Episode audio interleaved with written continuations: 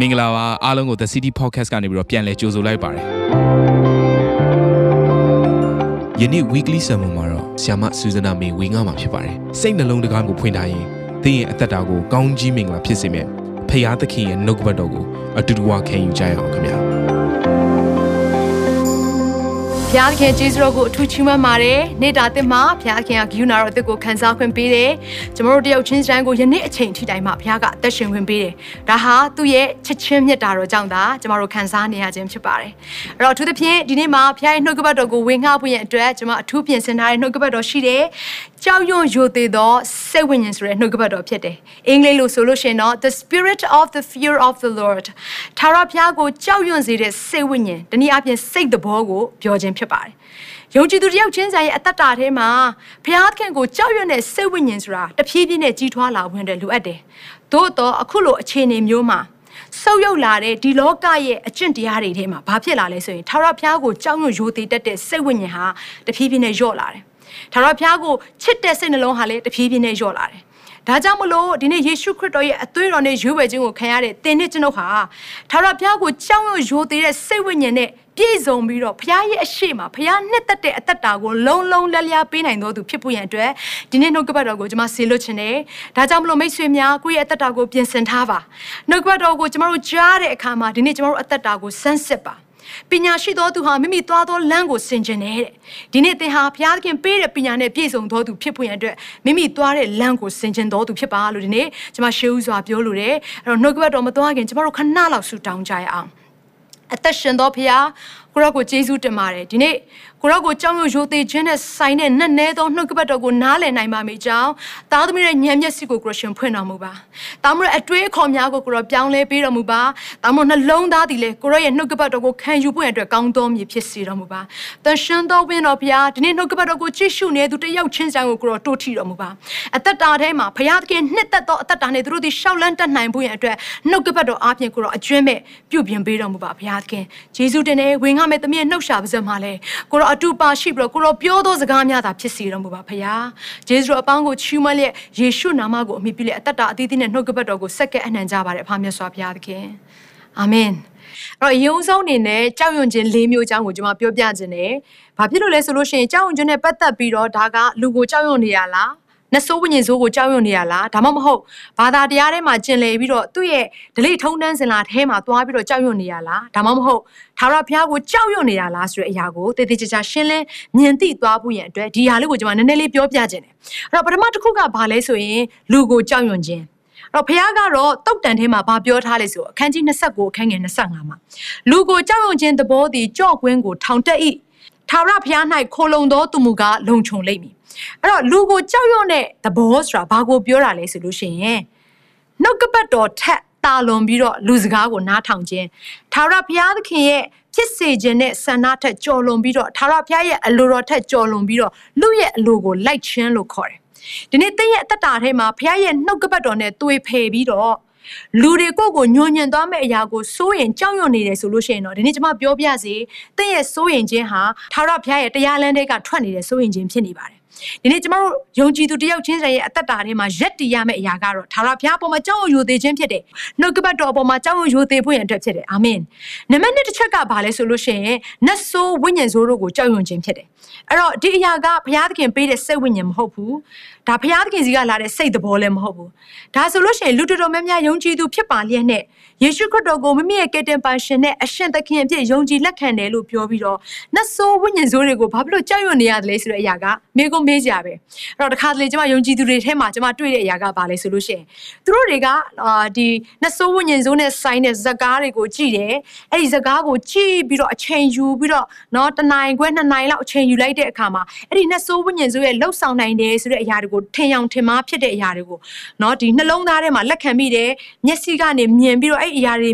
လိုမျိုးများငါ့ရဲ့အသက်တာထဲမှာဖြစ်လာမလားဆိုပြီးတော့ကြောက်ရွံ့လာတတ်ကြတယ်။မင်းတို့ကျွန်မပြောပြစီ ဒီနှစ်ဆိုးဝိညာဉ်စုံနဲ့ဆိုင်နဲ့မကောင်းဆိုးနဲ့ဆိုင်နဲ့ကားတွေဆိုတာက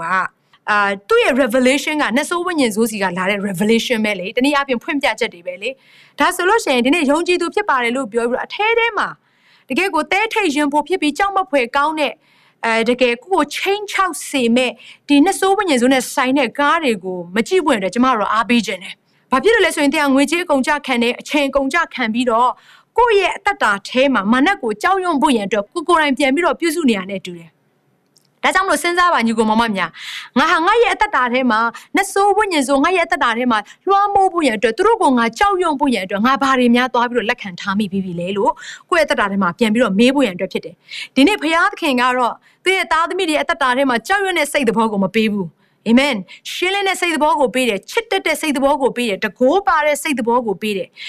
အဘအဘလို့ခေါ်တဲ့သားဖြစ်ခြင်းဖခင်ရဲ့အဲကွယ်ကာခြင်းထဲမှာလုံခြုံခြင်းဆိုတဲ့အရာကိုဘုရားရှင်ကပေးထားတယ်။အရင်တော့ကကျုံရဲ့စိတ်သဘောနဲ့အသက်ရှင်စေဖွင့်တဲ့ဘုရားသခင်ကလှုပ်ဆောင်တဲ့ဘုရားမဟုတ်ဘူး။အာမင်။အဲ့တော့အဲအဲ့ဒါကိုဘာမှတွေ့ရလဲဆိုတော့ယောမအခန်းကြီး၈အခန်းငယ်15ထဲမှာတွေ့ရပါတယ်။အကြောင်းမူကားသင်တို့သည်တဖန်ကြောက်ရွံ့တတ်သောကျုံ၏သဘောကိုရကြသည်မဟုတ်အဘအဘဟုခေါ်ရသောအခွင့်နှင့် တားဖြစ်ခြင်းဤသဘောကိုရကြပြီနှစ်တီခန်းကြီး1ငွေခုနှစ်မှာလည်းရေးထားပါတယ်ခုနကကျွန်မဖတ်ခဲ့တဲ့ပြောခဲ့တဲ့အရာပဲဖြစ်တယ်အကြောင်းမူကားဖရာသခင်သည်ကြောက်တတ်သောစိတ်သဘောကိုငါတို့အားပေးတော်မူသည်မဟုတ်တကိုးပါသောစိတ်ချစ်တတ်သောစိတ်ရှင်းလင်းသောစိတ်သဘောကိုပေးတယ်လို့ဒီနေ့ဖရာရှင်ကပြောပြထားပါတယ်ဒါဆိုသင်ရဲ့အသက်တာထဲမှာဖရာသားသမီးဖြစ်ရတဲ့မာနနဲ့ဆိုင်တဲ့အရာတွေကိုဘာဖြစ်လို့ကြောက်နေလဲကိုကိုရိုင်းကနေရာပေးထားလို့ဖြစ်တယ်အဲ့တော့ဒီမှာနောက်ထပ်ကြမ်းချက်တစ်ပိုက်ကိုကျွန်မဒါဖတ်ချင်တယ် အဲတရောအခန်းကြီး၄အခန်းငယ်၁၈ထဲမှာဗာပြောထားလဲဆိုလို့ရှိရင်ချစ်ချင်းမြတ်တာသည်ကြောက်ချင်းတန်ဝေကနဲ့မပေါင်းနိုင်ရချစ်ချင်းမြတ်တာဆိုတာဘု து ကိုကိုစားပြုလဲဆိုတော့ဘုရားသခင်ကိုကိုစားပြုတယ်ချစ်ချင်းမြတ်တာအထဲထဲမှာတကယ်ရှိတယ်ဆိုရင်ကြောက်ချင်းတန်ဝေကလို့ခေါ်တယ်အင်္ဂလိပ်လိုဆိုလို့ရှိရင် tormenting တနည်းအားဖြင့်အဲ စိတ်ချောက်ချားပြီးတော့တကယ်ကိုအာဝမ်းနေပြီးတော့တုံလှုပ်နေတဲ့အရာမျိုးကိုဘုရားရှင်ကမပေးဘူးမနဲ့ရဲ့ညှင်းဆဲခြင်းနှောက်ယှက်ခြင်းကိုဘုရားရှင်ကမပေးဘူးချစ်ချင်းမြတ်တာအထဲထဲမှာပြည့်ဝလာပြီဆိုရင်ကြောက်ချင်းတန်ဝေကဟာအထဲထဲမှာနေရမရဘူးလို့ဘုရားကပြောတယ်အဲ့တော့ကျွန်မဒီမှာဆက်ပြီးတော့ဖတ်ချင်တယ်တံဝေကသည်ပူပန်ခြင်းဝေဒနာကိုဖြစ်စေသောကြောင့်စုံလင်သောမြတ်တာသည်တံဝေကကိုဖယ်ရှားတတ်၏ ဒီနေ့ဘုရားသခင်ကကျွန်တော်အသက်တာထဲမှာနေရာလုံးလုံးလျားလျားယူလာပြီဆိုရင်တော့တဲ့အခုနမာနက်နဲ့ဆိုင်နဲ့ကြောက်တက်တဲ့မာနက်ရဲ့ညှင်းဆဲတက်တဲ့အရာတွေဟာကျွန်တော်အသက်တာထဲမှာမရှိတော့ဘူးတန်ဝေကရှိတော်သူသည်မေတ္တာနဲ့မပြည့်စုံသေးဆိုတဲ့အရာကမာနက်ကိုအထဲထဲမှာနေရာပေးပြီးတော့မာနက်ကိုကြောက်ရွံ့နေသေးတယ်ဆိုလို့ရှိရင်တင့်ရဲ့အထဲထဲမှာမေတ္တာနဲ့မပြည့်စုံသေးဘူးတဲ့ဆိုလိုတဲ့အရာကတင့်ရဲ့အတ္တတာအထဲမှာတန်ရှင်းသောဝိညာဉ်တော်ဖျားနဲ့မပြည့်စုံသေးဘူးလို့ပြောပြောနေခြင်းလည်းဖြစ်တယ်ယုံကြည်သူများဒါကြောင့်မလို့ဒီနေ့တင့်ရဲ့ ဝိညာဉ်ထဲမှာကြောက်နေတဲ့သူဟာမာနဆိုးဖြစ်နေသလားဒါဆိုလို့ရှိရင်တင့်ရဲ့အတ္တတာထဲမှာပြင်ဆင်ဖို့ရန်အတွက်ဖြစ်တယ်ကဲတတိယတစ်ချက်ကဘာလဲဆိုလို့ရှိရင် religious fear ဘာသာရေးပေါ်မှာပဲမူတည်ပြီးတော့ကြောက်ရွံ့နေတတ်တဲ့သူတွေရှိတယ်အဲ့တော့ကျမ်းစာကတော့ဗာပြောထားလဲဆိုရင်ဟေရှာယအခန်းကြီး29အခန်းငယ်73မှာထာဝရဘုရားကလည်းဤလူမျိုးသည်နှောက်နှင့်ငါထံချင်းကပ်၍နှုတ်ခမ်းနှင့်ငါကိုယိုသေးကြ၏စိတ်နှလုံးမူကားငါနှင့်ဝေလာ၏ လူတို့စီရင်သောပညတ်တို့ကိုအမိပြု၍ငါကိုကြောက်ရွံ့ကြ၏အဲ့တော့ဘာကိုပြောချင်တာလဲဆိုတော့ဒီနှုတ်ကပတ်တော်ကဖျားသခင်ကိုတကယ်ကြောက်ရွံ့တာမဟုတ်ဘဲနဲ့ဘာသာရေးလှုပ်ဆောင်ချက်တွေထဲမှာเนาะအဲပျော်မွေ့ပြီးတော့ဘာသာရေးလှုပ်ဆောင်ချက်တွေထဲမှာအော်ငါဒါမလုပ်ဘူးဆိုလို့ရှိရင်เนาะငါကိုးကွယ်တဲ့ဆိုပါစို့နတ်ဆိုးတွေကဒါငါငါကိုးကွယ်တဲ့ အဲအရာတွေကငါ့ကိုလာပြီးတော့ပြန်ပြီးတော့ညှင်းဆဲမလားဒါမှမဟုတ်ငါကဒီရိုးရာထုံတန်းစင်လာတိုင်းငါဆက်မသွားဘူးဆိုလို့ရှိရင်ကောင်းပါမလားစတဲ့ဘာသာရေးနဲ့ဆိုင်တဲ့အတွေးခေါ်တွေကရှိလာတဲ့အခါမှာဒီဘာသာရေးနဲ့ဆိုင်တဲ့အရာကကိုယ့်ကိုကြောက်မှုပြန်ဖြစ်သွားစေတယ်။ဒီနေ့ဘုရားရှင်ကဘာပြောလဲဆိုတော့ခရိယန်တယောက်ဖြစ်တယ်ယုံကြည်သူတယောက်ဖြစ်တယ်ယေရှုခရစ်တော်ကိုသင်ကယုံကြည်လက်ခံထားတယ်ဆိုရင်တော့သင်ရဲ့အသက်တာထဲမှာဒီပညတ်ချက်တွေထဲမှာပဲကြောက်ရွံ့ပြီးတော့အသက်ရှင်ရမှာမဟုတ်ဘူး။ဘုရားခင်ကိုကြောက်ရွံ့ပြီးတော့အသက်ရှင်ဖို့နဲ့ဘုရားခင်အလိုတော်ရှိပါတယ်။ ဟာလေလုယာ။အဲ့တော့ဒီနေ့ကျွန်မပြောချင်တယ်သင်ရဲ့အသက်တာထဲမှာရှိရမယ့်အရာကလူကိုကြောက်ရွံ့ခြင်းမဖြစ်ရအောင် ဒုတိယတစ်ချက်ဖြစ်တဲ့နတ်ဆိုးဝိညာဉ်ဆိုးတို့ကိုကြောက်ရွံ့ခြင်းမဖြစ်ရအောင်တတိယတစ်ချက်ဖြစ်တဲ့ဘာသာရေးထုံးတမ်းစင်လာတွေအပေါ်မှာသွားပြီးတော့မလောက်ရရင်ငါဒုက္ခရောက်နိုင်စရာအကြောင်းရှိတယ်ဆိုပြီးတော့ကြောက်ရွံ့နေတဲ့အရာမျိုးလည်းဘုရားသခင်ကမဖြစ်စေခြင်းမို့ဒီနေ့ဘုရားသခင်ဖြစ်စေခြင်းတဲ့အရာကသူ့ထံကိုစိတ်နှလုံးအကျဉ်းမဲ့နဲ့တိုးဝင်ချင်းကပ်ပြီးတော့သူပြောတဲ့စကားကိုနားထောင်ပြီးတော့ကျမတို့ရဲ့အသက်တာကိုလုံလုံလျက်လျက်သူ့ထံကိုစက္ကဲအနံ့တဲ့အရာကိုပဲဘုရားသခင်ကလိုချင်ပါတယ်ဒါကြောင့်မလို့နံပါတ်၄တစ်ချက်ဖြစ်တဲ့ ကြောက်ရွံ့ခြင်းကတော့ထာဝရဘုရားသခင်ကိုကြောက်ရွံ့ခြင်းဖြစ်တယ် hallelujah the spirit of the fear of the lord ထာဝရဘုရားကိုကြောက်ရွံ့ခြင်းဟာကျွန်တော်တို့အသက်တာထဲမှာသိပြီးတော့အရေးကြီးပါတယ်ဘာဖြစ်လို့လို့ပြောထားလဲဆိုဘုရားသခင်ကိုတော့ဒိုင်ကပင်လင်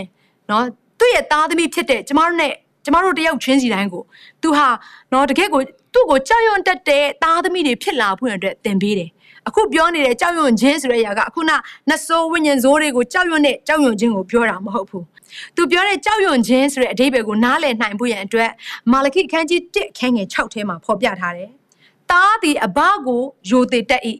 ကျွန်သည်သခင်ကိုကြောက်ရွံ့တတ်၏ငါသည်အဘမှန်လင်ငါ့ကိုအဘယ်သူယိုသေးသနည်းသခင်မှန်လင်အဘယ်သူကြောက်ရွံ့သနည်းဟုကောင်းကင်ဘုရားရှင်သာရဘုရားသည် နာမတော်ကိုမထီမဲ့မြင်ပြုသောယစ်ပရောဟိတ်တို့အားမေးတော်မူ၏ ဒီနေ့ဘုရားရှင်ကဘာပြောလဲဆိုရင်သားသမီးတွေကတဲ့အဖေကိုယိုသေးတတ်ပါတယ်တဲ့ကျွန်တွေကလည်းသူ့ရဲ့သခင်ကိုယိုသေးတတ်ပါတယ်သို့တော့ငါထာဝရဘုရားသခင်ရဲ့သားသမီးတွေဖြစ်တဲ့ဒီနေ့တင်နဲ့ကျွန်ုပ်ဟာ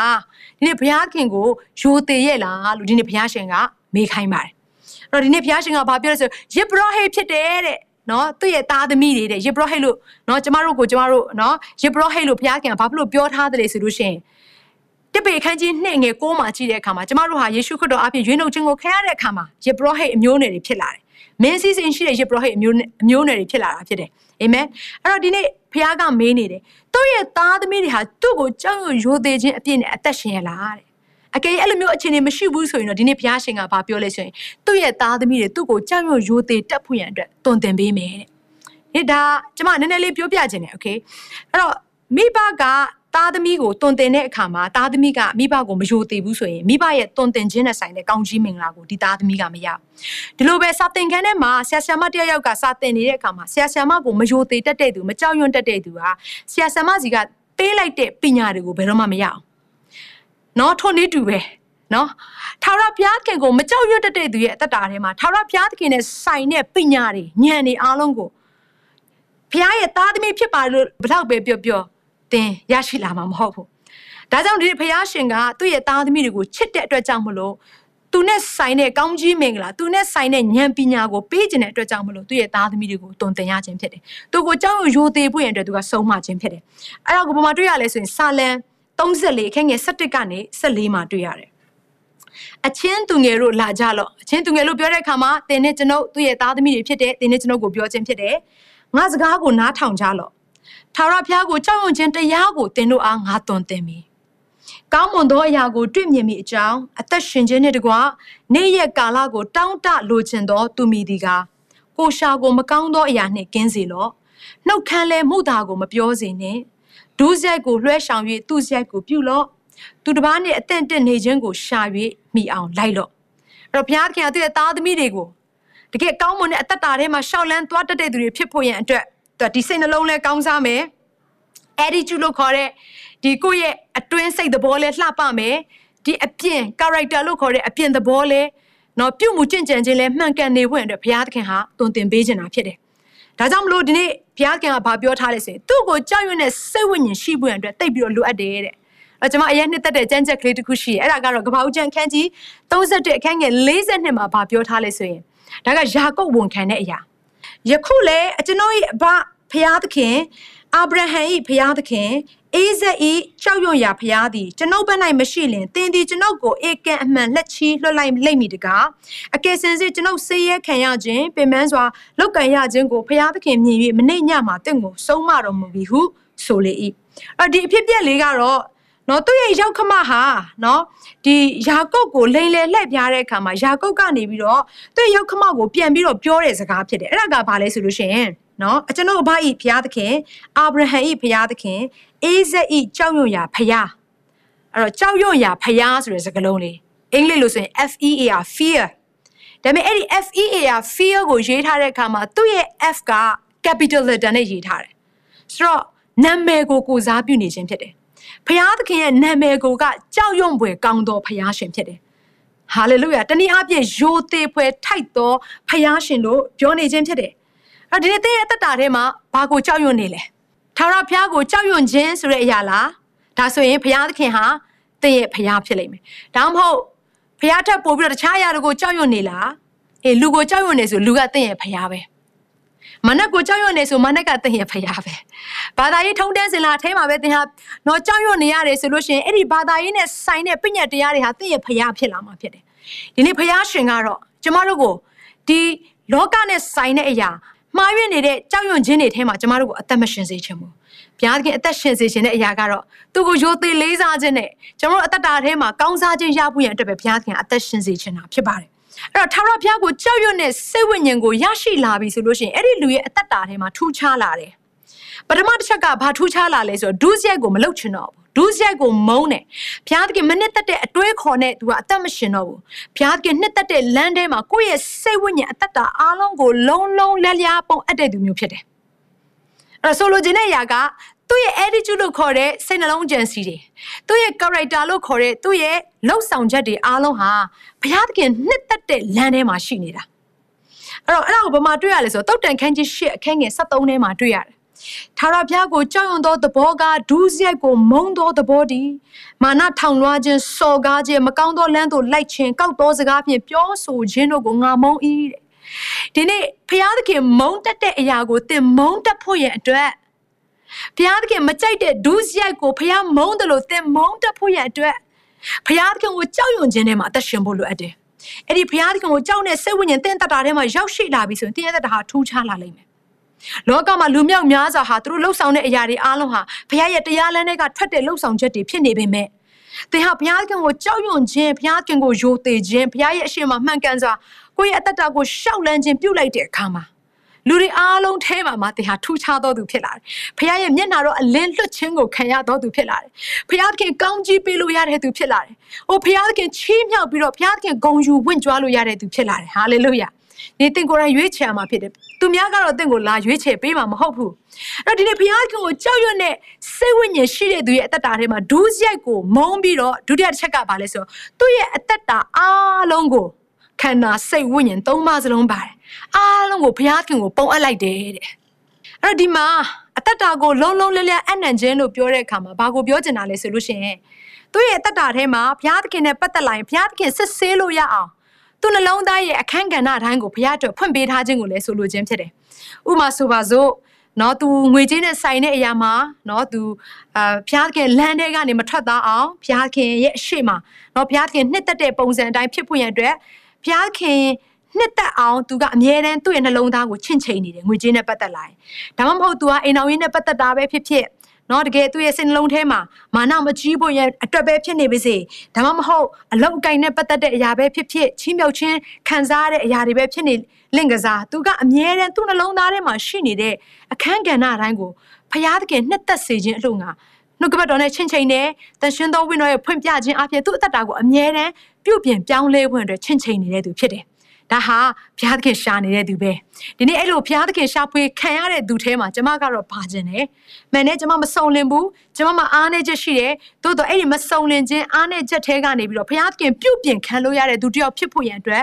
ဘုရားကိုကြောက်ရွံ့သေးခြင်းနဲ့ကျမအသက်ရှင်ဖို့ပဲအမြဲတမ်းပြင်ဆင်တယ်ဒီနေ့မိတ်ဆွေသင်လည်းအဲ့လိုအသက်ရှင်ဖို့ရန်အတွက်ပြင်ဆင်ဖို့နဲ့ကျမအားပေးခြင်းတယ်အဲ့တော့ဒီမှာအဲ့လို နော်စိတ်နှလုံးဟာတဲ့နော်စုံလင်လာပြီဆိုရင်ဒီနေ့ဘုရားရှင်ကဘာလုပ်လဲဆိုအဲ့ဒီလူရဲ့အသက်တာထဲမှာခိုင်ခန့်ခြင်းရှိပွင့်တယ်ဒီနေ့ဘုရားခင်ကကောင်းကြီးပေးတယ်အဲ့တော့သူကောင်းကြီးပေးတဲ့အခါမှာဘလို့ပုံစံနဲ့ကောင်းကြီးပေးလဲဆိုလို့ရှိရင်အခုန sevenfold spirit လို့ခေါ်တဲ့ဒီဝိညာဉ်ခုနှစ်ပါးတိုးတငယ်အပေါ်မှာတည်နေတဲ့ဝိညာဉ်ခုနှစ်ပါးအကြောင်းကိုကျွန်မဆက်ပြီးတော့ပြောပြမယ်အဲ့ဒါနဲ့ချိတ်ဆက်ပြီးတော့ပြောရမယ်ဆိုရင်ပေါ့ဟေရှားအနာဂတိကျမ်းအခန်းကြီး7အခန်းငယ်2ထဲမှာရေးထားတယ် ဒီ sevenfold spirit လို့ခေါ်တဲ့ယေရှုခရစ်တော်ရဲ့အပေါ်မှာကျင်းဝတ်နေတဲ့ဝိညာဉ်ခုနှစ်ပါးအကြောင်းကိုကျွန်မပြောပြခြင်းတယ်အဲ့တော့အဲ့ဒါကိုเนาะကျွန်မတစ်ချက်လောက်ဖတ်ပြမယ်ဟေရှားနာဂတိကျမ်းအခန်းကြီး7အခန်းငယ်2ဖြစ်တယ်ထာဝရဘုရား၏ဝိညာဉ်တော်ဒီဟုသောဉာဏ်ပညာကိုပေးသောဝိညာဉ်ကြံစီတက်ဆွမ်းနိုင်သောတတ္တိကိုပေးသောဝိညာဉ်ထာဝရဘုရားကိုသိ၍ကြောက်ရွံ့သောသဘောကိုပေးသောဝိညာဉ်တော်သည်ထိုသူအပေါ်မှာကျင့်ဝတ်တော်မူ၏ ဒီအရာကယေရှုခရစ်တော်အပေါ်မှာကျင့်ဝတ်တော့မဲ့ဝိညာဉ်တော်ဒါကဟေရှာယနာဂေတိကျမ်းဆိုယေရှုခရစ်တော်မပေါ်ခင်ရေးခဲ့တဲ့ကျမ်းလေအဲ့တော့ prophet ပြုနေခဲ့တဲ့ကျမ်းချက်တစ်ခုဖြစ်တယ်သို့တော့ယေရှုခရစ်တော်အားဖြင့်ကျမတို့ယေရှုခရစ်တော်လှုပ်ဆောင်ပေးခဲ့တဲ့အရာတွေအပြင်ဒီနေ့ယေရှုနဲ့ဆိုင်တဲ့အရာခတ်သိမ်းကိုကျမတို့ကရတယ်လို့ပြောတာဟုတ်အဲ့တော့ဒီနေရာမှာဒီဝိညာဉ်ခုနှစ်ပါးဆိုတဲ့เนาะဒီခုနဉာဏ်ပညာเนาะကြံစီတက်ဆွမ်းနိုင်ခြင်း တတိထာဝရဘုရားကိုသိတဲ့ကြောက်ရွံ့ခြင်းပြီးရင်အဲ့ဒီတရှင်သောဝိညာဉ်တော်ကိုကျမတို့ကခံရဖို့ရန်အတွက်ယေရှုခရစ်တော်အားဖြင့်ကျမတို့ဟာเนาะရရှိနိုင်ဖို့နဲ့ဘုရားသခင်ကပြင်ဆင်ပေးခဲ့ပြီဖြစ်တယ်။သို့တော့အသက်တာအแทမှာထာဝရဘုရားကိုကြောက်တဲ့သဘောရှိဖို့အတွက်လိုအပ်တယ်။တို့မှသာလေအခုနကျမတို့နှုတ်ကပတ်တော်ထဲမှာဖတ်ခဲ့သလိုပဲအဲ့ဒီမေတ္တာတရားနဲ့တာ၍ပြည့်စုံတဲ့သူတွေဖြစ်လာမယ်။တနည်းအားဖြင့်ဘုရားသခင်ဝိညာဉ်နဲ့တာ၍ပြည့်စုံတဲ့သူတွေဖြစ်လာမှာဖြစ်တယ်။အဲ့တော့ဒီမှာ ကြည့်တဲ့အခါမှာအရင်စိတ်ဝင်စားစရာကောင်းတဲ့အရာကဘာလဲဆိုလို့ရှိရင်ဒီခုနှစ်ခုနှစ်ပါးမှာပေါ့နော်ဒီဝိညာဉ်ခုနှစ်ပါးလို့ပြောတဲ့အခါမှာပထမတစ်ခုကတော့เนาะကျမတို့ဖတ်သွားတဲ့အခါမှာဒီအဲတရှင်သောဝိညာဉ်တော် ကိုတော်တိုင်ကကျွန်တော်တို့အသက်တာထဲမှာကင်းဝတ်တယ်ပြီးရင်ဘာလဲဆိုလို့ရှိရင်ဉာဏ်ရဲ့ပညာရဲ့အင်္ဂလိပ်လိုဆိုရင်တော့သိရှင်းပါတယ်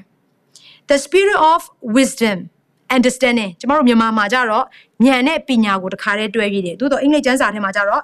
the spirit of wisdom and understanding ပြီးမှ the spirit of counsel ဒါကကြံစီတက်ဆွမ်းနိုင်တဲ့အရာပြီး the spirit of နော် might ဒါတတိလှုပ်ဆောင်နိုင်ခြင်းတနည်းအားဖြင့် power တကိုးကိုပြောခြင်းလည်းဖြစ်တယ် the spirit of the knowledge ထာဝရဘုရားကိုသိတဲ့အရာပြီးရင်ကြောက်ရွံ့သောသဘော the fear of the lord အဲ့တော့ဒီမှာနောက်ဆုံးအချက်မှာတွေ့ရတဲ့အရာကထာဝရဘုရားကိုကြောက်ရွံ့သောသဘောဆိုတဲ့အရာအဲ့တော့သူကအတွဲလိုက်အတွဲလိုက်လာတယ်နော် ခုနညံနဲ့ပညာဆိုတာတွဲတယ်ကြံစီတက်ဆွဲနိုင်တဲ့အရာနဲ့တတ္တိဆိုတာတွဲတယ်ဒါပေမဲ့နောက်ဆုံးအတွဲလေးကတော့ဇုံတွဲလေးတွေကတော့တိတ်ဆိတ်ဝင်စားစရာကောင်းတယ်အဲ့ဒါကတော့ဘာလဲဆိုတော့ထာဝရဘုရားကိုသိ၍ကြောက်ရွံ့သောသဘောတဲ့ဒီနေ့အတ္တတာထဲမှာထာဝရဘုရားကိုသင်တကယ်သိရလားနှုတ်ကပတ်တော်တွေသင်သိနေပြီးတော့ကြမ်းတက်ပုတ်ကိုကြီးသင်ဖြစ်နေပြီးတော့အတ္တတာထဲမှာသိတာတွေတက်တာတွေတိတ်များနေပြီးတော့မှ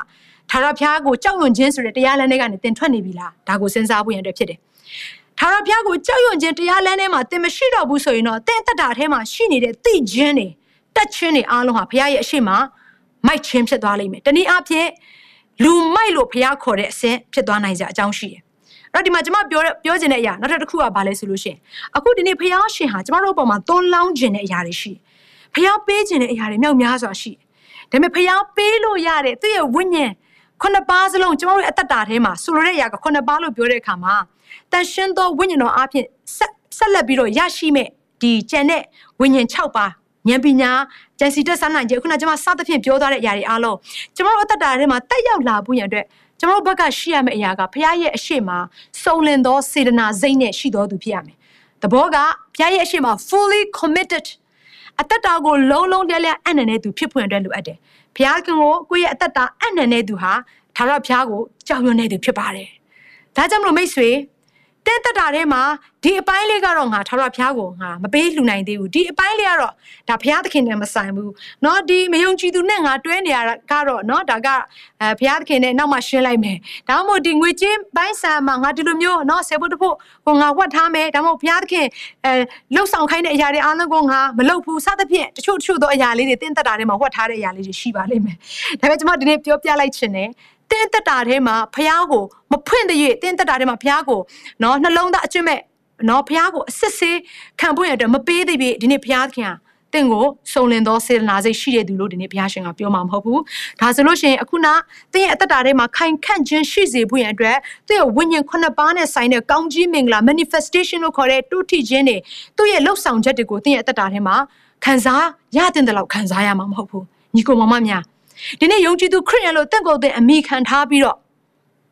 ဖခင်သခင်ရဲ့တန်ရှင်းသောဝိညာဉ်တော်နဲ့ဆိုင်တဲ့အရာတွေအားလုံးတင့်ရဲ့တက်တာထဲမှာတက်ရောက်ခြင်းမရှိဘူးဆိုရင်ကျမတို့လောက်ရှုံးတဲ့သူကကျမတို့ပဲရှိပါလိမ့်မယ်။မြေကြီးပေါ်မှာနေလျက်နဲ့မြေကြီးပေါ်မှာဘုရားရဲ့နိုင်ငံတော်တည်ထောင်ဖို့ရန်အတွက်ဒီအရာတွေကိုဘုရားခင်ကကျမတို့အသက်တာထဲမှာပေးခြင်းတာဖြစ်တယ်။ဒါကြောင့်မလို့မိတ်ဆွေဒီနေ့ညီကောင်မမတွေကျမပြောပြခြင်းတယ်။တဲ့အသက်တာထဲမှာဘုရားရဲ့နိုင်ငံတော်တည်ထောင်ခြင်းထဲမှာအရှိဆုံးကနေသွားနိုင်ဖို့ရန်အတွက် သင်ရဲ့အသက်တာဘုရားခင်အရှိမအစ်ခံတော်သူဖြစ်ပါဘုရားခင်ကိုလုံးလုံးလဲလဲပေးအပ်လိုက်တော့အသက်တာဖြစ်စေပါဒါဆိုလို့ရှိရင်သင်ကိုဘုရားခင်ကခိုင်ခန့်စေမယ်ဟာလေလုယာသင်ရဲ့တတာထဲမှာဘုရားသခင်ဟာတကယ်ကိုသူ့ရဲ့ကောင်းကြီးနဲ့ဆိုင်တဲ့အရာခတ်တဲ့ကိုအခုနဝိညာဉ်ခုနှစ်ပါးစလုံးကိုသင်ရဲ့အသက်တာထဲမှာတွန်းလောင်းပေးမှာဖြစ်တယ်အာမင်အဲ့တော့နောက်ထပ်ကျွန်မအရင်နှစ်သက်တဲ့เนาะအဲကိုယ့်ရဲ့အသက်တာကိုလုံးလုံးလဲလဲအနံ့နဲ့သူတယောက်ရှိတယ်အဲ့ဒါကတော့ကဘာဦးကျန်ခန်းကြီး39အခန်းငယ်6မှာယောသက်ဖြစ်တယ်ယောသက်ကိုပေါတိဖာမယားကလိုက်ပြီးတော့ နော်သူနဲ့အတူတူအိတ်ဖို့ရန်အတွက်ဆွဲတဲ့အခါမှာယောသက်ဟာပေါတိဖာမယားနဲ့မပြစ်မှားခဲ့ဘူး adultery လို့ခေါ်တဲ့နော်သူများသားများပြစ်မှားခြင်းဆိုတဲ့အရာကယောသက်ရဲ့အသက်တာမှာမရှိခဲ့ဘူးဒါကိုကဘာဦးကျန်ခန်းကြီး39မှာဖော်ပြထားတယ် အဲ့တော့သူများသားများကိုမပြစ်မှားရဆိုတဲ့စကားလုံးကကဘာဦးကျမ်းမှာဖော်ပြခဲ့တာမဟုတ်ဘူးထွက်မြောက်ကျန်ခန်းကြီး20ထဲမှာရောက်လာမှပဲမောရှေလက်ထက်မှာဖော်ပြတာဖြစ်တယ်ဆိုလိုတဲ့အရာကကဘာဦးကျမ်းကအရင်လာပြီးတော့မှထွက်မြောက်ရွာကလာတာလေတနည်းအားဖြင့်ဒီယောသက်ကနော်မောရှေရဲ့အရှိမအရင်ဦးဆုံးပေါ်ထွန်းခဲ့တဲ့အရင်ဦးဆုံးအသက်ရှင်ခဲ့ရတဲ့သူတစ်ယောက်ဖြစ်တယ်အဲ့တော့ပြညတ်တော်တွေမပေါ်ပေမဲ့လည်း သူများသားများကိုမပြစ်မှားဘဲနဲ့ဘုရားသခင်ရဲ့အရှိမဘုရားသခင်ကိုမပြစ်မှားဘူးဘုရားသခင်ကိုကြောက်ရွံ့ရိုသေခြင်းကသူ့ရဲ့အသက်တာထဲမှာဘာဖြစ်လို့ရှိနေရလဲဆိုတော့သူဟာသူ့ရဲ့အသက်တာကိုဘုရားသခင်တည်းလုံလုံလဲလဲအနံ့ထားလို့ဖြစ်တယ်။ပြည့်ညက်တရားပေါ်မှာပညာအတိုင်းလောက်တာမဟုတ်ဘဲနဲ့ထာဝရဘုရားကိုကြောက်ရွံ့တတ်တဲ့သူရဲ့စိတ်နှလုံးထဲမှာဘုရားခင်ကပညာကိုပေးတာဖြစ်တယ်။ဒါကြောင့်မလို့တုတ်တန်ကျမ်းထဲမှာဗာပြောထားလဲဆိုလို့ရှင်ထာဝရဘုရားကိုကြောက်ရွံ့ခြင်းဟာတဲ့ပညာရဲ့အချုပ်အခြာဖြစ်တယ်တဲ့။ ဒီပညာလို့ပြောတဲ့အခါမှာဒီပညာကလောကနဲ့ဆိုင်တဲ့စာပေထူးချွန်တဲ့ပညာထက်မြက်တဲ့ပညာကိုပြောနေတာမဟုတ်ဘူး။ အဲ့တော့စာပေထူးချွန်ထက်မြက်တဲ့ပညာဆိုတဲ့အရာကတော့ဒါကတော့နော်စဉ်းစားဉာဏ်ရှိလာအောင်အမျှော်အမြင်ရှိလာအောင်သင်ပေးတဲ့အရာပဲဖြစ်တယ်အခုကျမပြောနေတဲ့ဘုရားသခင်ထံကလာတဲ့ဉာဏ်ပညာကတော့ထူးခြားတယ်ကိုယ့်ရဲ့အသက်တာထဲမှာမဖြစ်နိုင်တဲ့အရာတွေမတက်နိုင်တဲ့အရာတွေကိုဘုရားသခင်ဝိညာဉ်တော်အပြင်တက်နိုင်စေခြင်းလို့ငါဘုရားရှင်ပေးတဲ့ဉာဏ်ပညာမျိုးဖြစ်တယ်ထာဝရဘုရားကိုကြောက်ရွံ့ခြင်းတွေကနေစီးထွက်လာတဲ့အရာဖြစ်တယ်အခုတော့စာပေပညာဘိုင်းဆိုင်မှာထူးချွန်ထက်မြက်ပြီးတော့မှတက်လာတဲ့ နော်ဒါဒါဒီပညာဆိုတာကလွတ်ပညာဖြစ်တယ်တနည်းအားဖြင့်တင်လို့ရနိုင်တယ်သို့တော့ထာဝရဘုရားပေးတဲ့ပညာကတော့တင်လို့မရနိုင်ဘူးပေးမှပဲရမှာဖြစ်တယ်ဖျားကိုယ်တိုင်ပေးမှပဲထိုဉာဏ်ပညာကိုရမှာဖြစ်တယ်အဲ့တော့ဒီလောကနဲ့ဆိုင်တဲ့ဉာဏ်ပညာနဲ့ပတ်သက်ပြီးတော့လည်းကျွန်တော်နည်းနည်းလေးပြောပြချင်တယ်လောကနဲ့ဆိုင်တဲ့ဉာဏ်ပညာမှာတင်သိထူးချွန်ထက်မြက်တယ်ဆိုရင်နည်းနည်းလေးတော့သတိထားပါဆိုတော့အဲ့ဒီလောကနဲ့ဆိုင်တဲ့ဉာဏ်ပညာထူးချွန်ထက်မြက်ခြင်းစာပေထူးချွန်ထက်မြက်ခြင်းဆိုတော့ဓာတ်နဲ့တူတယ်ဆိုတော့ဓာတ်တစ်ချောင်းဆိုတဲ့အရာက ကောင်းတဲ့နေရာမှာသုံးလို့ရတယ်လို့မကောင်းတဲ့နေရာမှာလည်းသုံးလို့ရတယ်လူတဦးအတွက်ဒီဓာတ်တစ်ချောင်းဟာသူ့ရဲ့မိသားစုကိုချက်ပြုတ်ကျွေးမွေးဖို့အတွက်အသုံးပြုတယ်လို့တချို့သောသူတွေကတော့ဓာတ်ကိုလူတက်ဖို့နေရာမှာထားတဲ့အရာတွေရှိတယ်ဆိုလဲတဲ့အရာကဒီနေ့သင်ရဲ့ဉာဏ်ပညာထက်မြက်ခြင်းသင်သင်ရဲ့စာပေပညာထူးချွန်ထက်မြက်ခြင်းဆိုတဲ့အရာကနော်သင်ရဲ့မိသားစုသင်ရဲ့အသက်တာအတွက်စားတော့ဖို့ရန်အတွက်တော်လကောင်အသက်ရှင်ဖို့ရန်အတွက်တော်လကောင်ကောင်းကောင်းကြီးဖြစ်နိုင်တဲ့အရာဖြစ်စေနိုင်တယ်လို့တစ်ဖက်မှာလည်း သူတစ်ပါးကိုနာကျင်စေပြီးတော့သူများရဲ့အသက်ကိုနှုတ်ယူလောက်သည့်အထိတက်ဆွမ်းနိုင်တဲ့အရာတွေရှိနေတယ်ဆိုတဲ့အရာကိုနားလဲသိရှင်တယ်ဒါကြောင့်မလို့လူပညာကိုလည်းကျွန်မအထင်မသေးပါဘူးဟုတ်ပြီနော်ကျွန်မချီးကျူးတယ်လူပညာနော်ဒီပညာနဲ့ဆိုင်တဲ့အရာရဖို့ဆိုတာကကျွန်တော်တို့အခုဘွဲတွေဘာတွေရတဲ့အခါမှာတာမန်ရလာတာမှမဟုတ်တာစူးစမ်းတဲ့အရာတွေအများကြီးရှိတယ်နိုင်ငံခြားမှာကြောင်းတက်တဲ့သူတွေဆိုလည်းဒီတိုင်းပဲမြန်မာပြည်မှာဆယ်တဲ့အောင်မိုးကအစဒီတိုင်းပဲစူးစမ်းပြီးတော့ရခဲ့တဲ့အရာရှိတယ်တိုးတော့အဲ့ဒီလူပညာနဲ့ဘာမှမဆိုင်ဘဲနဲ့တကယ့်ကိုတိတ်ကောင်းလွန်းတဲ့ ပညာရှိတယ်အဲ့ဒီပညာကဘုရားထံကလာတယ်တဲ့ဘသူကိုပဲပေးတယ်လေဆိုတော့ဘုရားရဲ့ရှင်မမိအသက်တာကိုလုံလုံလည်လည်အနံ့နဲ့ထာဝရဘုရားကိုကြောက်ရွံ့တဲ့သူကိုပဲဘုရားရှင်ကပေးတာဖြစ်တယ်ဟာလေလုယာအဲ့တော့ဒီမှာအဲ့လိုလုံလုံလည်လည်အနံ့နဲ့အသက်တာရှိဖို့ရန်အတွက်ယေရှုခရစ်တော်ကလည်းဒီလောကကဘာကြီးမှာနေခဲ့တဲ့အခါမှာလူစားတိအဖြစ်သူခံယူတဲ့အချိန်မှာတဲ့သူဘာလုပ်လဲဆိုတော့သူ့ရဲ့ခမည်းတော်ဘုရားသခင်ရဲ့စကားကိုသူနားထောင်တယ်တဲ့ဟေဘရဲခန်းကြီး9အငယ်9ကနေ10မှာတွေ့ရတယ် ထိုခရစ်တော်သည် လူစားတိအဖြစ်၌နေစဉ်ကာလတေခြင်းမှကဲလွတ်နိုင်တော်မူသောသူကိုကြီးစွာသောကြွေးကြော်ခြင်းမျက်ရည်ကျခြင်းနှင့်ဆုတောင်းပတနာပြုသဖြင့်ကြောက်ရွံ့ရာအမှု၌ချမ်းသာရသည်ဖြစ်၍ဘုရားသခင်၏သားတော်မှန်တော်လဲဆင်းရဲဒုက္ခကိုခံသောအဖြစ်နားထောင်ခြင်းအကျိုးအကြောင်းကိုသင်တော်မူ၏ယေရှုခရစ်တော်ဟာလူစားတိကိုခံတဲ့အခါမှာဘုရားရဲ့သားတော်မှန်ပါတယ်တဲ့ဒါပေမဲ့လည်းသူ့ရဲ့အသက်တာကိုသူခမည်းတော်ရဲ့အရှင်မလုံးလုံးလဲလဲအနှံ့တယ်ဆိုတဲ့အရာကိုနားထောင်ခြင်းအဖြစ်သူပြတယ်တဲ့ နာကျင်ခြင်းတွေခက်ခဲခြင်းတွေမျက်ရည်ကျခြင်းတွေရှိတဲ့အချိန်မှာသူသူခမည်းတော်ရဲ့အလိုကိုပဲလိုက်တယ်တဲ့အဲ့ဒါကဘာကိုပြောနေလဲဆိုတော့မဿဲခန်းကြီး26ထဲမှာဂေသရှင်မန်ဥယျာဉ်ထဲမှာယေရှုခရစ်တော်ဟာဒူးထောက်ပြီးတော့သူဒီခွက်ကို तू မတောက်ရှင်ဘူးတနည်းအားဖြင့်ကားတိုင်းကိုတက်ဖို့ရန်အတွက်သူတဲ့အလွန်ခက်ခဲတယ်သို့တော့အကျွန်ုပ်အလိုမဖြစ်ပါစေနဲ့ဒီတလောကလုံးရဲ့အဖြစ်ကိုယူဆောင်ဖို့ဆိုတဲ့အရာကအလွန်ပဲညစ်ညမ်းတဲ့အရာဖြစ်တယ် အပြစ်မရှိတဲ့ဖခင်ရဲ့သားတော်ဖြစ်ပေမဲ့လေသို့တော့ဖခင်ချစ်တဲ့ဒီလူသားတွေအားလုံးကိုသူဖန်ဆင်းခဲ့တဲ့ဒီလူသားတွေအားလုံးကိုကယ်တင်ဖို့ရတဲ့ဒီနေ့ယေရှုခရစ်တော်ကဘာလုပ်လဲဆိုရင်သူခမည်းတော်ရဲ့အရှင်မှာသူပြောတဲ့အရာကကိုတော့အလိုပဲကျွန်တော်ရဲ့အသက်တာထဲမှာပြည့်စုံပါစေတဲ့အဲ့လိုလူကိုစုံလင်သောစေတနာစိတ်ရှိတဲ့သူလို့ခေါ်တယ် ဒီနေ့အဲ့လိုယေရှုခရစ်တော်လူစားတိခံတဲ့အချိန်မှာစုံလင်သောစေတနာစိတ်ရှိတဲ့သူတနည်းအားဖြင့်အသက်တာကိုလုံးလုံးလျက်လျက်အနံပြီးတော့ဘုရားကိုကြောင်းရိုသေခြင်းနဲ့မှာယေရှုခရစ်တော်သွားနိုင်နေဆိုရင်ဒီနေ့သင်နဲ့ကျွန်ုပ်လည်းယေရှုခရစ်တော်ကဲ့သို့သွားနိုင်ဖို့အတွက်ဒီနေ့ဘုရားသခင်အလိုတော်ရှိပါတယ်အာမင်ခရစ်တော်အားဖြင့်ခတ်သိမ်းသောအမှုရာကိုတတ်ဆွမ်းနိုင်နေဆိုတာဒါမျိုးဖြစ်ရမှာခရစ်တော်အပြင်ခသိန်းသောအမှုရာတို့ကိုတတ်ဆွမ်းနိုင်ခြင်းဆိုတဲ့အရာကဖခင်နောက်ကိုလိုက်ခြင်းကိုယ့်ရဲ့အတ္တကိုဖခင်စိတ်ကြိုက်တဲ့အသက်ရှင်နိုင်ခြင်းကိုပြောခြင်းဖြစ်တယ်။ ဒီလောကနဲ့ဆိုင်တဲ့အရာမှာဟာတခါတည်းငါယေရှုခရစ်တော်အပြည့်10သိန်းရပြီသိန်း100ရပြီသိန်း1000ရပြီရှောက်អော်နေမဲ့အစားဒီကျွန်တော်လုပ်ရမယ့်အရာကယေရှုခရစ်တော်အပြည့်ငါဟာကောင်းသောအသက်တာထဲမှာအသက်ရှင်နိုင်တော်သူဖြစ်ပြီဖခင်ရဲ့လမ်းတော်ထဲမှာမလဲမတိန်သွားနိုင်တော်သူဖြစ်ပြီလို့ဒီနေ့သင်ကဝန်ခံရမှာဖြစ်တယ်ဝန်ခံချက်တွေမလွဲပါစေနဲ့မကွဲပါစေနဲ့မမှားပါစေနဲ့ဖခင်ရဲ့စိတ်သဘောအတိုင်းဝန်ခံတတ်တော်သူဖြစ်ပါစေအာမင်အဲ့တော့ဆက်ပြီးတော့ကျွန်မဒီမှာကြည့်ချင်တယ်အဲ့တော့ထာဝရဘုရားသခင်ရဲ့နော် အဲစိတ်တော်နဲ့ထိတွေ့ခြင်းခံရတဲ့အခါမှာ ဘုရားသခင်ထံကလာတဲ့မင်္ဂလာ၄မျိုးခံစားရတယ်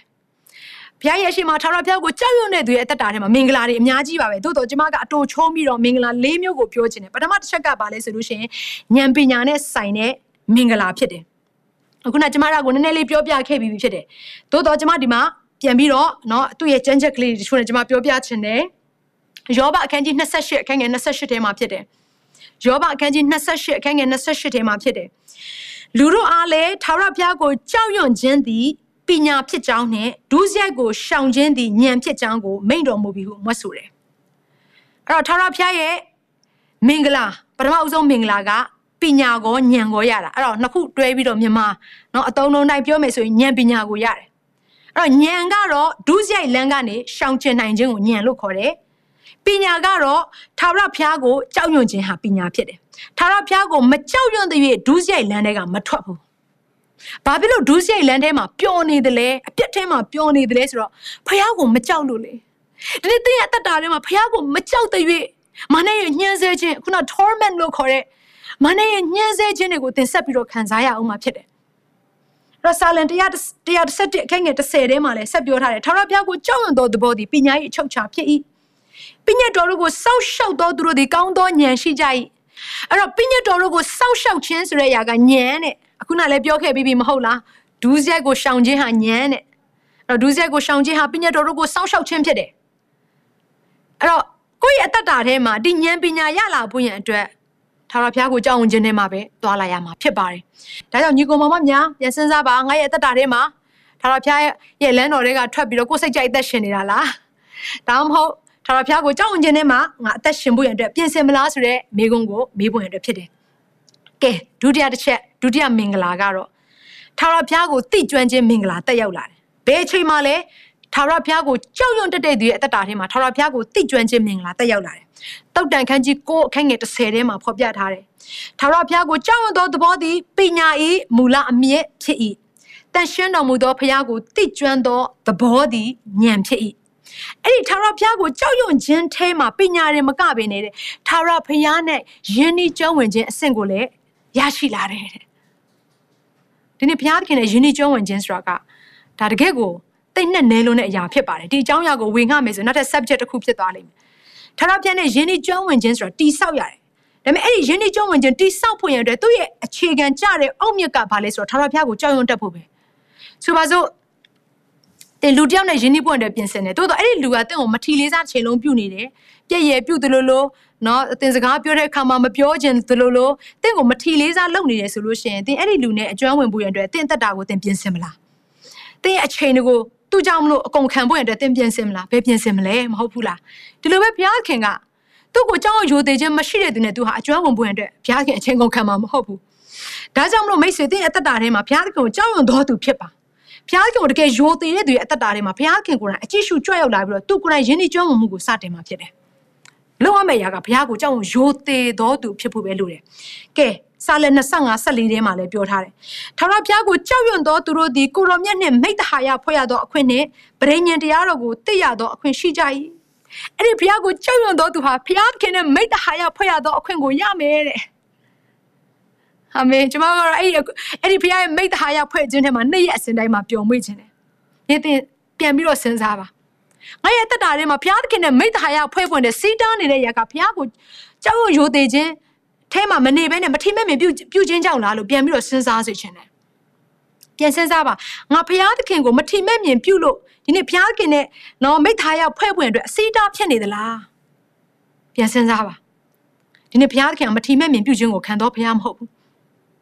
ဘုရားသခင်ကချစ်ဖွယ်ကောင်းတဲ့ဘုရားရှင်တော်ဖြစ်တယ်ချစ်ချင်းနဲ့တာအရှင်လည်းဖြစ်ပါတယ်ဒါပေမဲ့တစ်ဖက်မှာလည်းကြောက်ရွံ့ရိုသေဖွယ်ကောင်းတဲ့ဘုရားဖြစ်တယ်ဆိုတော့ဘယ်တော့မှမမေ့ပါနဲ့တက်ရှင်းတဲ့ဘုရားဖြစ်တယ်တကယ်ကိုကောင်းကင်ရဲ့မြေကြီးကိုဖန်ဆင်းတဲ့ဘုရားလည်းဖြစ်တယ်လူရဲ့အသက်ဝိညာဉ်ကိုဖန်ဆင်းခဲ့တဲ့ဘုရားရှင်လည်းဖြစ်တယ်လူရဲ့အသက်ဝိညာဉ်ကိုမှုတ်သွင်းခဲ့တဲ့ဘုရားရှင်လည်းဖြစ်တယ်ဒီဘုရားသခင်စัจ java လာတစ်ခုလုံးကိုပိုင်ဆိုင်တဲ့ဘုရားရှင်ဖြစ်တယ်ကျမတို့တက်တော့အဲ့ဘုရားသခင်ဟာကျမတို့အတွက်ဖခင်ဖြစ်တယ်မှန်ပါတယ်ချစ်ချင်းမြတ်တာအရှင်ဖြစ်တယ်တစ်ဖက်မှာလည်းသိရမယ့်ရာကတလောကလုံးက ကောင်းခင်အောင်မြေကြီးပေါ်မြေကြီးရဲ့အောက်ထဲမှာရှိတဲ့အရာခတ်သိမ်းသောယဟာဒီနေ့အဲ့ဒီအသက်ရှင်တဲ့ဘုရားကိုကြောက်ရွံ့ခြင်းအပြည့်နဲ့ကိုးကွယ်နေရတာဖြစ်တယ်။ဥညံ့နေရတာဖြစ်တယ်။သို့တော့သင်ဟာဘုရားကိုမထီလေးစားပြုမယ်ဆိုရင်တော့သင်ရဲ့တက်တာထဲမှာမင်္ဂလာနဲ့ဆိုင်တဲ့အရာတွေတက်ရောက်လာမှာမဟုတ်ဘူး။ကဲဆက်ပြီးတော့ကြည့်မယ်။နောက်ထပ်မင်္ဂလာ၃ကဘာလဲဆိုလို့ရှိရင်နော်ကောင်းကြီးဒီထာဝရဘုရားကိုကြောက်ရွံ့ခြင်းနဲ့ဆိုင်တဲ့မင်္ဂလာ၃ချက်မြောက်ကအသက်ရှင်ခြင်းနဲ့ဆိုင်တဲ့အရာကိုရမယ်။ပြီးတော့ကိုယ့်ရဲ့ အလိုဆန္ဒပြည့်စုံရတဲ့အခွင့်ကိုပေးမယ်အဲ့ဒါကိုတုတ်တင်ကြိုက်ခန်းကြီး16ခန်းကြီး23မှာတွေ့ရတယ်ထာဝရဘုရားကိုကြောက်ရွံ့သောသဘောသည်အသက်ရှင်ခြင်းနဲ့ဆိုင်သည်ဖြစ်၍ထိုသဘောရှိသောသူသည်အလိုဆန္ဒပြည့်စုံလျက်ဘေးဥပတ်နှင့်ကင်းလွတ်ကြလိမ့်မည်တတိယအဖြစ်ကိုယ့်ရဲ့အသက်တာထဲမှာအသက်တာရှည်တဲ့အကြောင်းအရာကိုဘုရားခင်ဖြစ်စေမယ်အသက်တာတိုတာမဟုတ်အချိန်မတန်မဲနဲ့အသက်ဆုံးရှုံးသွားတဲ့အရာမဟုတ်ဘူးဒီဘုရားခင်ကိုကြောက်ရွံ့ခြင်းနဲ့မှအသက်ရှင်တဲ့အခါမှာတွားရမယ့်လမ်းဆင်ခြင်ရမယ့်လမ်းဆိုတဲ့အရာကိုသိပြီးတော့ အသက်တာဟာရှည်ပြီးတော့လှပပြီးတော့ဘေးဥပတ်နဲ့ကင်းတဲ့အသက်တာဘုရားခင်ဖြစ်စေမယ်တဲ့ပြီးတော့အဲ့လိုလူရဲ့နှလုံးသားအလိုဆန္ဒပြည့်စုံရတော့အခုနဲ့ဘုရားရှင်ပေးမယ်တဲ့။အိုးကျမကတိတ်ဖြစ်ချင်တယ်။အဲ့တော့ဒီလိုပြောလိုက်တဲ့အခါမှာဟာနှလုံးသားအလိုဆန္ဒတကယ်ပြည့်စုံမှလားတိတ်တစ်ထောင်ပေးပါအောင်။မိမချောချောလေးပေးပါအောင်။အေးအဲ့ဒါဘုရားကိုမကြောက်တဲ့အခါမှာအဲ့ဒီစကားမျိုးပြောလာတာဖြစ်တယ်။ဘုရားကိုတကယ်ကြောက်တဲ့သူကတော့ကိုယ့်ရဲ့လောဘနဲ့ဆိုင်တဲ့အရာတခွန်းမှမဟုတ်ဘူးဘုရားရဲ့ရှေ့မှာနှိတ်ချခြင်းနဲ့ယိုကျိုးခြင်းနဲ့ ဘုရားခင်ကိုကြောက်ရွံ့ခြင်းနဲ့ပဲကိုတော့အလိုပဲပြည့်စုံပါစေလို့ပြောတာအဲ့ဒါကဘုရားကိုကြောက်ရွံ့နေသူအကယ်တင်ရဲ့တက်တာထဲမှာစန့်ကျင်မဲ့ဖြစ်နေတဲ့အရာလောကနဲ့ဆိုင်တဲ့အရာတွေကိုပြည့်စုံစေဖို့ရန်အတွက်ပဲသင်ဟာဥတည်နေတယ်ဆိုရင်သင်ဟာဘုရားတရားရှိတော်သူမဟုတ်ဘူးဘုရားမဲ့တရားမဲ့နေတော်သူဖြစ်တယ်ဘုရားကိုကြောက်ရွံ့သေးခြင်းနဲ့မှာအသက်ရှင်နေတဲ့သူမဟုတ်ဘူးဒါကြောင့်မလို့မိတ်ဆွေဒီနေ့ကျွန်မပြက်ပြက်တော့ဒါပြောပြရစေသင်ရဲ့အသက်တာထဲမှာဘုရားကိုကြောက်ရွံ့ခြင်းနဲ့တွာလာပါ ဒါဆိုရင်သင်ရဲ့အသက်တာရှည်တဲ့အခွင့်ကိုဘုရားရှင်ပေးမယ်ဘေးဥပနဲ့ကင်းလို့ရတဲ့အခွင့်ကိုဘုရားရှင်ပေးမယ်သင်ရဲ့အသက်တာထဲမှာစိတ်နှလုံးအလိုပြည့်စုံရတဲ့အခွင့်ကိုလည်းဘုရားရှင်ပေးဦးမှာဖြစ်တယ်။အိုးကျွန်မသတိပေးလိုက်ခြင်းနဲ့နော်ညီကောင်မမများဘုရားခင်ကိုကြောက်ရွံ့ခြင်းတွေကနေရရှိမဲ့ကောင်းကြီးမင်္ဂလာကအများကြီးပဲ။လောကနဲ့ဆိုင်တဲ့အရာတွေရေတွက်လို့တော့မကုန်နိုင်ဘူး။နော်မြေကြီးနဲ့ဆိုင်တဲ့အရာတွေဒါနဲ့မကသေးဘဲနဲ့ကောင်းကင်နဲ့ဆိုင်တဲ့အရာတွေမြောက်များစွာဝိညာဉ်ပိုင်းဆိုင်ရာကောင်းကြီးတွေကိုလည်းအများကြီးခံစားရအောင်မှာဖြစ်တယ်။ကဲနံပါတ်၄တစ်ချက် ထာဝရဘုရားကိုကြောက်ရွံ့ရိုသေတဲ့သူရဲ့အသက်တာထဲမှာတဲ့စီးစိမ်ဂုံအသေးရနဲ့အသက်ကိုလည်းရအောင်မယ်ဒီမှာအသက်နောက်တစ်ခေါက်ထပ်ပါလာတယ်အဲ့တော့တုတ်တန်22အခန်းငယ်၄ထဲမှာဖော်ပြထားတယ်စိတ်နှိတ်ချခြင်းထာဝရဘုရားကိုကြောက်ရွံ့ခြင်းကျေးဇူးကြောင့်စီးစိမ်ဂုံအသေးရအသက်ကိုရတတ်တယ်အဲ့ဒါဘုရားကိုကြောက်ရွံ့ရိုသေခြင်းတွေကနေထွက်ပေါ်လာတဲ့အရာဖြစ်တယ်အဲ့တော့ဒီလိုပြောလိုက်တဲ့အခါမှာဟာဒါဆိုရင်မယုံကြည်သူတွေလည်းထာဝရဘုရားကိုမသိတဲ့သူတွေလည်းစီးစိမ်ရကြတာပဲဂုံအသေးတွေရကြတာပဲ ဒါပေမဲ့ကျွန်မနည်းနည်းလေးသတိပေးလိုက်မယ်ဘုရားရဲ့နောက်ထပ်ကြမ်းကြက်တစ်ခုကဘာပြောထားလဲဆိုလို့ရှိရင်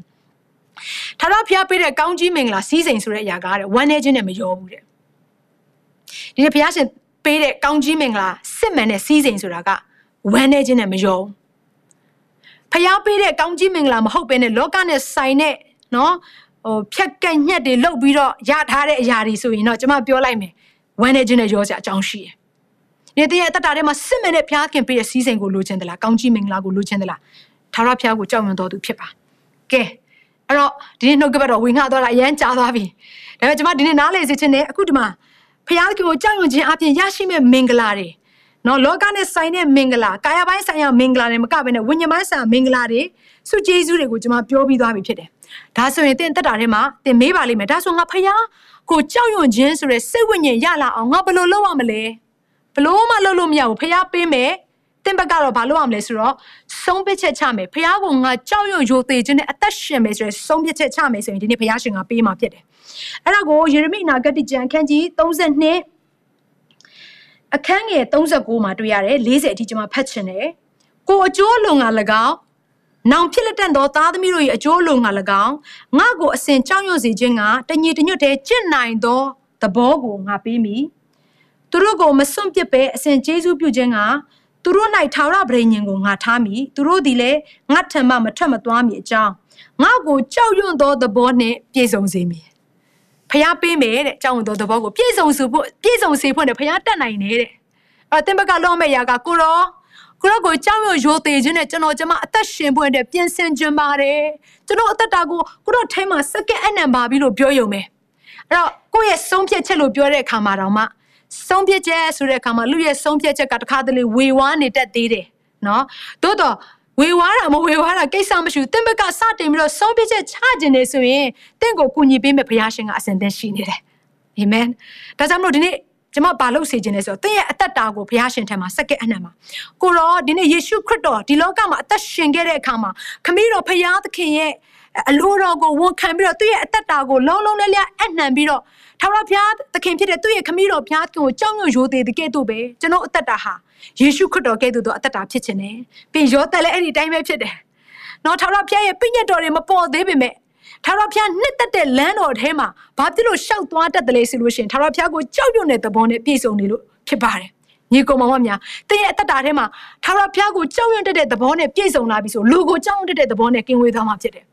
နတ်ဆိုးဝိညာဉ်ဆိုးတွေကိုကြောက်ရွံ့တတ်တဲ့သဘောနဲ့ကင်းဝေးသားမှာဖြစ်တယ်။ထာဝရဘုရားကိုစိတ်နှလုံးအချင်းမဲ့နဲ့ကိုးကွယ်တတ်တဲ့သူဖြစ်လာမှာဖြစ်တယ်။ထာဝရဘုရားနဲ့မိတ္တဟာယဖွဲ့ရပြီးတော့ထာဝရဘုရားထံတော်ကစီးစင်းတဲ့ဝိညာဉ်ခုနှစ်ပါးဖြစ်တဲ့ဉာဏ်ပညာကိုပေးသောဝိညာဉ်ကျက်စီတက်ဆွမ်းနိုင်ခြင်းကိုပေးသောဝိညာဉ်ထာဝရဘုရားကိုသိ၍ကြောက်ရွံ့သောသဘောကိုပေးသောဝိညာဉ်ဟာကျမတို့အသက်တာထဲမှာတက်ရောက်လာမှာဖြစ်တယ်။ညီကိုမမများဒီနေ့ကျွန်တော်တို့လုပ်ရမယ့်အရာတစ်ခုပဲရှိရယ်ဆုံးဖြတ်ချက်ချရုံပဲ။ဘာအတွက်ဆုံးဖြတ်ချက်ချရမလဲ။ငါဒီနေ့ဘုရားကိုကြောက်ရွံ့ရိုသေခြင်းထဲမှာ ငါအသက်ရှင်မယ်ဆိုရယ်ဆုံးဖြတ်ချက်ကိုချလိုက်ဖို့ပဲဖြစ်တယ်။အာမင်။နောက်နေ့ကိုမဆောင်နဲ့။အခုချက်ချင်းသင်ဟာဘုရားသခင်ထံကိုလှည့်ဖို့ရန်အတွက်ဘုရားသခင်ကိုကြောက်ရွံ့ရိုသေခြင်းနဲ့အသက်ရှင်ဖို့ရန်အတွက်သင်ဆုံးဖြတ်ချက်ချတယ်ဆိုရင်ယခုပင်ဒီနေ့သင်ရဲ့အသက်တာထဲမှာဘုရားသခင်ရဲ့ကယ်တင်ရာနော်နေ့ရက်ဖြစ်လာလိမ့်မယ်။ယုံကြည်ပါ။သင်ဘက်ကလုပ်ရမယ့်အရာကတော့နှုတ်ကပတ်တရားကိုကြားပြီးပြီဒါကြောင့်မလို့ဆုံးဖြတ်ချက်ချရုံပဲဖြစ်ပါတယ်။အဲ့တော့နှုတ်ကပတ်တော်ကိုကျွန်မဝင်ငှတဲ့အခါမှာ နှုတ်ကပတ်တော်ကိုတုံ့ပြန်ခြင်းတဲ့သူတွေရဲ့အသက်တာထဲမှာကြီးစွာသောညှိဝှခြင်းရှိလာမှာဖြစ်တယ်။ရှေသောအသက်တာနဲ့သင်ကိုဘုရားကရောက်ရဲစေပြီးတော့သူ့ရဲ့ကယ်တင်ခြင်းကျေးဇူးကိုပြပါလိမ့်မယ်။မြင်ရင်ကြည့်ပါ။လှုပ်ဆောင်မယ့်အရာကဘုရားရဲ့တရားလမ်းထဲမှာဒါတော့ဘုရားကိုကြောက်ရွံ့ခြင်းနဲ့နှိမ့်ချခြင်းနဲ့ပဲသွားမယ်။တခြားသူတွေကဘလို့ပဲပြောနေပါစေ။ဟာမင်းဟာဖះယူယူနေတယ်ပြောနေပါစေ။မင်းဖះနဲ့ပတ်သက်လာရင်တိတ်ပြောညံ့တာပဲလို့ပြောနေပါစေ။ကိစ္စမရှိဘူး။ နေကျွန်တော်တို့လုပ်ရမယ့်အရာကငါအသက်ရှင်သည့်အရာမှာဖခင်အတွက်ပဲဖြစ်တယ်အာမင်ငါအသက်ရှင်သည့်အရာမှာဖခင်အတွက်ပဲဖြစ်တယ်ငါရဲ့အသက်တာကိုဖခင်ကိုပဲငါစက္ကက်အနှံ့မယ်ဖခင်နှစ်သက်တဲ့အသက်တာအတိုင်းပဲငါရှောက်လန်းတော့မယ်ဆိုတဲ့ဆုံးဖြတ်ချက်ချပြီးဆိုရင်သရှင်တော်ဝိညာဉ်တော်ဖခင်အသင်ကိုကူညီပေးမှာဖြစ်တယ်ဖခင်ကအဲ့လိုလူကိုလိုက်ရှာနေတယ်မြေကြီးတစ်ပြင်လုံးမှာသူ့ရဲ့ဝိညာဉ်ကိုဆေလွတ်ထားတယ်ဘသူကိုလိုက်ရှာနေတယ်လဲဆိုတော့ထာဝရဘုရားကိုကြောက်ရွံ့နဲ့ကိုယ့်ရဲ့အသက်တာကိုလုံးလုံးနဲ့လက်အပ်တဲ့သူကိုဘုရားလိုက်ရှာနေတာဖြစ်တယ်ဖခင်ရှာတဲ့အခါမှာတွေ့တော်သူဟာသင်ဖြစ်ပါစေအာမင် အာမင်ဒါကြောင့်မို့ခဏလောက်ဆုတောင်းကြရအောင်အသက်ရှင်သောဖခင်ကိုရောကိုယေရှုတင်တယ်ဒီနှုတ်ကပတ်တော်အတွက်ကိုရဲ့နာမတော်ကိုချီးမွမ်းပါတယ်ကိုရောသားသမီးတွေရဲ့အသက်တာထဲမှာအဘကိုယိုသေးတဲ့စိတ်နှလုံးအိုးတကယ်ကိုထာဝရဘုရားကိုချစ်တဲ့စိတ်နှလုံးနဲ့ပြည့်စုံတော်သူများဖြစ်စေဖို့ရတဲ့ကိုရောမဆာတော်မူပါ လူရဲ့သဘောကတော့ထာဝရဘုရားကိုယိုသေးခြင်းမရှိတတ်ပါဘူး။ကောင်းသောအရာကိုလှုပ်ဆောင်ခြင်းတဲ့သဘောမရှိပါဘူး။ထာဝရဘုရားရဲ့တရားလမ်းတွေကနေထွက်ပြီးတော့ဒုစရိုက်ကိုလှုပ်ဆောင်ခြင်းတတ်တဲ့သဘောရှိပါတယ်။သို့တော်ဒီနေ့ကိုယ့်ရဲ့သဘောကိုကိုအိုးမလိုက်ပဲနဲ့ထာဝရဘုရားရဲ့သဘောကိုလိုက်ခြင်းအလို့ငါဒီနေ့သားသမီးတို့တယောက်ချင်းစီတိုင်းကိုတော့အရှိမအသက်တာများကိုချထားပါတယ်။အသက်ရှင်သောဝိညာဉ်တော်ဖရာကိုတော့ကြိုက်သူတို့တောင်းလို့အသက်တာထဲမှာ တွန်တင်ဖို့ရန်အတွက်ပြုပြင်ဖို့ရန်အတွက်ကိုတော့ကြိုက်တယ်လို့သားသမီးတို့ကိုဥဆောင်ပေးပါဘုရားသခင်ကိုရဲ့ဥဆောင်ခြင်းနဲ့တောင်းလို့မသွားခြင်းတော့ပါဘူးကိုတော့ကိုကြောက်ရွံ့ရိုသေခြင်းနဲ့ပဲတောင်းလို့အသက်ရှင်ခြင်းပါတယ်ဘုရားသခင်ဒါကြောင့်မလို့ဒီနေ့မှာတောင်းလို့အသက်တာအားလုံးကိုကိုတော့ကိုပေးပါတယ် အသက်ရှင်တော်ဖရာကိုရောအလိုတော်ရှိသည့်အတိုင်းတောင်းလို့အသက်တာကိုယူလျက်ပြုပြင်တော်မူပါအလိုတော်ရှိသည့်အတိုင်းကိုရောပြုပြင်တော်မူပါဖရာသခင်ယေရှုတင်နေယေရှုတော်ပေါင်းကိုချီးမွမ်းလက်အသက်တာအသီးကိုစက္ကန့်အနံ့တဲ့အခါမှာမနေ့ရက်နေ့နောင်ကောင်းလာမပြောင်းလဲပဲနဲ့သားသမီးတို့ကိုအစင်မြတ်ချစ်လျက်တည်နေကြည့်ရှုတော်မူသောယေရှုဖရာရဲ့မြတ်သောနာမကိုမြည်ပြီးဆုတောင်းစက္ကန့်အနံ့ကြပါတယ်အဖမြတ်စွာဘုရားသခင်အာမင်ဒီအစီအစဉ်လေးအပြင်တင်းရဲ့အသက်တာမှာကောင်းကြီးဖြစ်မယ်ဆိုတာကို ကျွန်တော်ယုံကြည်ပါတယ်ဗီဒီယိုကြည့်ပြီးခံယူလို့သူများအတွက်အပတ်စဉ်တရားဟောခြင်းများ Bible Study ကြီးမွန်ကိုးကွယ်ခြင်းနဲ့အခြားသောအကြောင်းအရာတွေဟာတင်းအတွက်အဆင်သင့်ရှိနေပါတယ် YouTube မှာ The City Space TV လို့ရိုက်ထည့်လိုက်တဲ့အခါကျွန်တော်တို့ကိုတွေ့ရှိမှာဖြစ်ပါတယ် Subscribe လုပ်ခြင်းအပြင်တင်းနဲ့ထက်ချက်မကွာအမြင်ရှိနေပါပါဒါအပြင် Facebook မှာလည်း The City ရန်ကုန်လို့ရိုက်ထည့်လိုက်တဲ့အခါတည်အချက်အလက်နဲ့ poster တွေကိုအချိန်နဲ့တပြေးညီတွေ့ရှိအောင်မှာဖြစ်ပါတယ်ခင်ဗျာ The City Podcast ကိုနားထောင်သူတိုင်း ဖျားသခင်ရဲ့ထူကြသောဖွင့်ပြချက်နဲ့ကောင်းကြီးမင်္ဂလာများခံစားမိကြောင်းကျွန်ုပ်ဆုတောင်းရင်ဤစီစဉ်လေးကိုဒီမှာပဲညှိနှိုင်းပါရစေခင်ဗျာ